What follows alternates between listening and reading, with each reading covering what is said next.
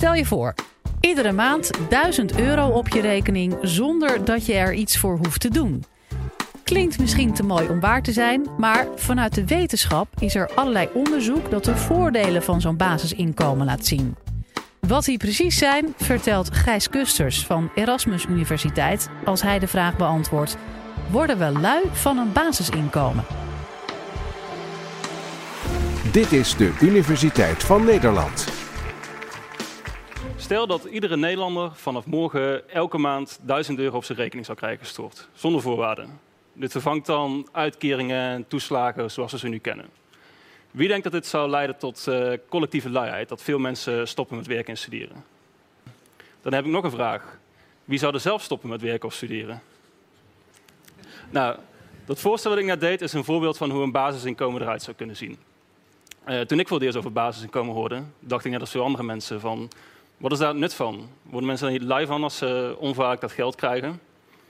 Maar naarmate mijn afstudeerdatum dichterbij kwam en ik me ook meer bewust werd van de arbeidsmarktperspectieven van een socioloog, dacht ik, hé, hey, dat is eigenlijk wel handig zo'n basisinkomen. Dan hoef ik niet te solliciteren op uh, halfslachtige onderzoeksbaantjes, maar dan zou ik bijvoorbeeld aan mijn eigen onderzoeksvoorstel kunnen werken. Nou, dan werd ik gelukkig voor mijn afstuderen al aangenomen bij de universiteit en hoefde ik over mijn inkomen geen zorgen meer te maken. Maar door deze ervaring uh, vermoed ik wel dat uh, mensen niet zo snel lui zouden worden van een basisinkomen. En dit bleken veel wetenschappelijke studies ook te bevestigen. En daar wil ik het graag over hebben. Ik zal eerst uitleggen wat het basisinkomen is en daarna wat experimenten uitlichten. Nou, wat is een basisinkomen? Um, een basisinkomen niet per se een vast omlijnd plan, dus uh, zoals de 1000 euro die ik voorstelde. Het kan namelijk verschillende vormen of voorstellen aannemen.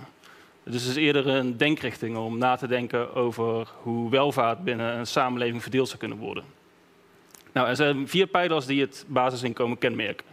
Eén, het is universeel. Dat betekent dat iedereen binnen een samenleving het moet krijgen. Twee, het is individueel, dus het moet per persoon worden uitbetaald.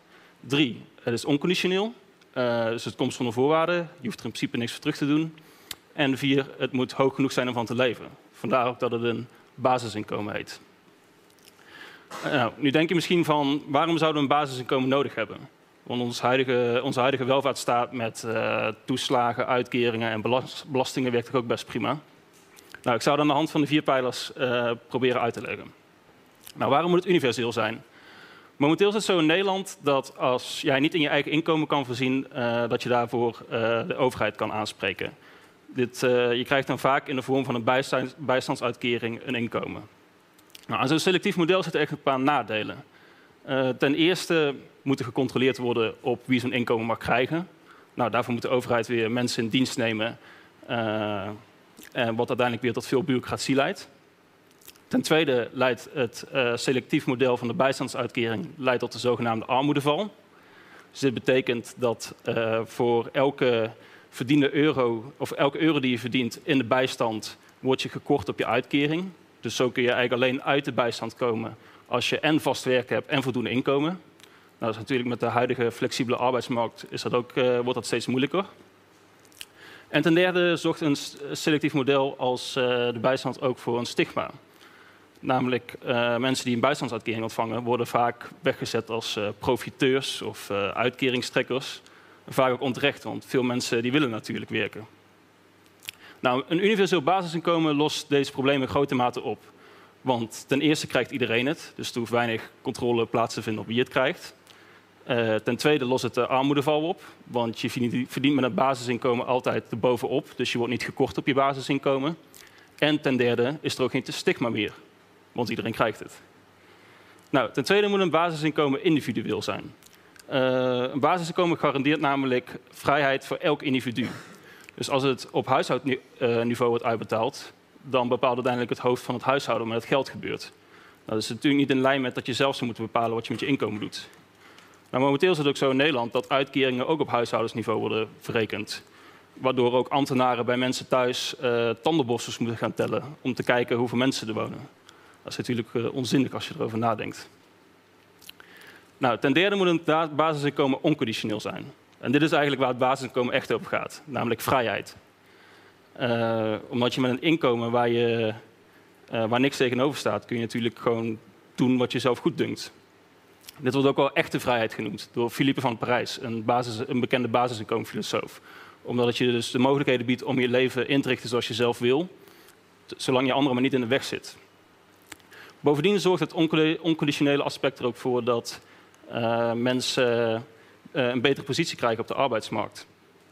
Zo kun je met onderhandelen met een werkgever sta je sterker, omdat je niet afhankelijk bent van het inkomen uit werk.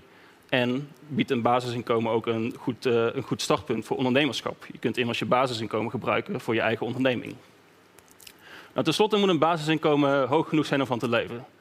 Nou, dat is moeilijk te bepalen, want behoeften verschillen natuurlijk per persoon. Laten we even een testje doen wat jullie denken dat hoog genoeg is. Uh, als iedereen even een bedrag in zijn hoofd neemt, wat hij of zij denkt nodig te hebben per maand. Oké, wie zit er meer rond een lage variant? Zeg uh, 800 euro. Nou, dat zijn niet heel veel. Waarschijnlijk een paar studenten. wie zit er meer rond de 1000 euro? Oké, dat zijn er al meer. En wie zit er meer aan hoge variant te denken? Zeg 1400 euro. Nou, dus dat is wel aardig wat nodig. Nou, uh, zoals jullie zien is het best wel moeilijk om die hoogte vast te stellen. Je moet immers voorzien in je basisbehoeften, maar werken moet ook aantrekkelijk blijven. Nou, dat klinkt allemaal mooi, zo'n basisinkomen, maar er zitten natuurlijk uh, ook een paar nadelen aan vast. De twee grootste bezwaren die je eigenlijk hoort zijn één, de betaalbaarheid en twee, uh, het reciprociteitsvraagstuk. Nou, even beginnen met de betaalbaarheid. Als wij nu in Nederland uh, voor elke volwassen persoon een basisinkomen van 1000 euro per maand zouden willen betalen, zou dat uh, ongeveer 155 miljard per jaar kosten. Nou, als we kijken naar wat we betalen aan uitkeringen en toeslagen uh, en alle uitvoeringskosten die erbij komen kijken, betalen we daar ongeveer 125 miljard euro voor. Nou, het zou dus, we komen dus ongeveer 30 miljard euro tekort om een basisinkomen te financieren. Wat natuurlijk een flink bedrag is. Nou, is zo'n rekensommetje natuurlijk interessant om te maken, maar uiteindelijk ook vrij zinloos. Want in de situatie van een basisinkomen zou ons hele stelsel van belastingen en herverdeling er natuurlijk heel anders uitzien. Omdat mensen ook anders gaan leven. Daarom is het eigenlijk zinvoller om te praten over tussenstappen naar een basisinkomen. Bijvoorbeeld als we alle toeslagen, zoals zorgtoeslag, huurtoeslag, kindtoeslag, als we die allemaal zouden afschaffen en gewoon vervangen door een minimaal basisinkomen van enkele honderden euro's. Maar dat even over de betaalbaarheid. Uh, eigenlijk het grootste bezwaar wat je hoort uh, rondom een basisinkomen is, het, uh, is de reciprociteit of het ontbreken daarvan. Reciprociteit betekent wederkerigheid. Het principe van voor wat, voor wat hoort wat. Nou, mensen hebben natuurlijk een sterke intuïtieve aanleg voor reciprociteit. dus het voelt heel onnatuurlijk om mensen wat te geven zonder daar iets voor terug te krijgen. De tegenstanders van het basisinkomen denken dan ook dat het basisinkomen tot veel freeriders gedrag zal leiden. Dus mensen die wel een basisinkomen ontvangen, maar eigenlijk uh, niks terug doen voor de maatschappij. En dat is een terechte zorg. Nou, dan kun je natuurlijk lang discussiëren over of mensen dan wel of niet lui worden van een basisinkomen en wat ze er wel of niet voor terug gaan doen. Maar dan weet je nog steeds niet hoe mensen zich wel gaan gedragen. En mede om deze reden zijn in de afgelopen decennia verschillende experimenten uitgevoerd uh, in, naar vormen van het basisinkomen. Uh, waarin eigenlijk één groep dus een basisinkomen krijgt en een andere groep niet. Dit heet ook wel een randomized control trial. Nou, in Nederland zijn momenteel ook een aantal experimenten gaande met mensen in de bijstand, die gebaseerd zijn op de denkrichting van het basisinkomen. Maar dat zijn eigenlijk maar hele minimale experimenten. Dus ik praat liever wat over experimenten die uh, echt meer de situatie van een basisinkomen nabootsen. Maar een van de bekendste van deze experimenten is uh, in Canada in de jaren 70 uitgevoerd, het zogenaamde MINCOM-programma. Nou, in een klein stadje Dauphin kregen alle mensen een inkomensgarantie van ongeveer 7000 dollar per jaar per persoon. Dat zou nu ongeveer op 7000 euro uitkomen. Uh, en voor elke dollar die men verdiende, moest men 50 cent belasting betalen. Dus als men aan het eind van het jaar minder inkomen uit werk had dan het gegarandeerde minimum, dan werd het verschil bijgelegd door het Mincom-programma. Nou, het doel van het experiment was om te kijken of mensen ook minder zouden gaan werken als ze zo'n inkomensgarantie zouden hebben. Nou, vanwege allerlei omstandigheden zijn die resultaten pas recent bekend geworden. En wat blijkt er nou uit? Dat inderdaad ongeveer 10% van de mensen op enig punt in het experiment uh, minder ging werken. Het unieke aan het experiment is eigenlijk echter dat ook werd gekeken naar wat mensen dan wel gingen doen. Want in andere experimenten ging men er gewoon vanuit dat mensen meer vrije tijd zouden nemen. Nou, wat bleek? Uh, jonge mensen die bleven wat langer in het onderwijs om een hoog diploma te halen. Uh, moeders die gingen wat meer tijd met hun kinderen doorbrengen. En oudere mensen die stopten wat eerder met werken. Vooral oudere mensen met een matige gezondheid. Nou, bovendien zijn uit deze tijd ook uh, de ziekenhuisgegevens uit Dauphin geanalyseerd. En daaruit bleek dat tijdens het experiment gemiddeld, dat er gemiddeld 10% minder opnames waren in het ziekenhuis dan bij de controlegroep. Bovendien nam ook het aantal mentale klachten door bijvoorbeeld stress, dat nam ook allemaal af.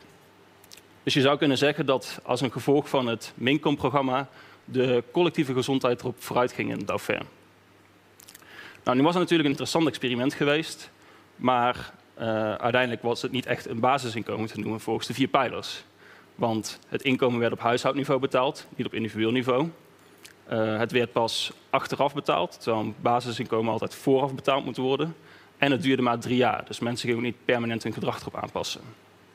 Maar eigenlijk heeft een echt experiment met het basisinkomen nog nooit plaatsgevonden. Ik zeg nog niet, want binnenkort gaat er wel eentje van start in Kenia. Een NGO genaamd Give Directly, die heeft meer dan 25 miljoen dollar opgehaald om, dit, uh, om het experiment te financieren. Nou, wat gaat er allemaal gebeuren? In 40 dorpen op het platteland in Kenia uh, gaan alle mensen uit het uh, dorp gaan een basisinkomen van 75 cent per dag ontvangen. 75 dollar cent. Nou, dan denk je misschien dat is niet heel veel. Maar gezien dat de globale armoedegrens momenteel op 2 dollar per dag ligt, kan natuurlijk 75 cent een groot verschil maken. Nou, het wordt dus uh, voor iedereen in het dorp uitbetaald, per individu, zonder voorwaarden. En het is uh, hoog genoeg om in principe in je basisbehoeften te kunnen voorzien. Nou, er doen 6000 mensen aan mee en de looptijd van het experiment is 12 jaar. Dus gedurende deze 12 jaar gaan deze 6000 mensen vergeleken worden met uh, mensen uit 100 andere dorpen op het platteland in Kenia. Dus het is bijzonder interessant om te weten te komen wat er allemaal gaat gebeuren. Nou, concluderend zou ik zeggen dat uh, uit de experimenten in de westerse wereld blijkt dat uh, in ieder geval met vormen van het basisinkomen, dat vaak blijkt dat mensen wel iets minder gaan werken, maar dat ze deze tijd eigenlijk meer gaan besteden aan uh, persoonlijke ontwikkeling, aan zorgtaken of aan huishoudtaken. Nou, nu zijn deze experimenten wel interessant, maar uiteindelijk zijn ze ook maar een deel van de puzzel. Omdat ze natuurlijk nooit ons kunnen vertellen over hoe een, of hoe een basisinkomen nou op samenlevingsniveau werkt. En eigenlijk is er maar één manier om daar echt achter te komen, en dat is door een basisinkomen in te voeren. Dank wel.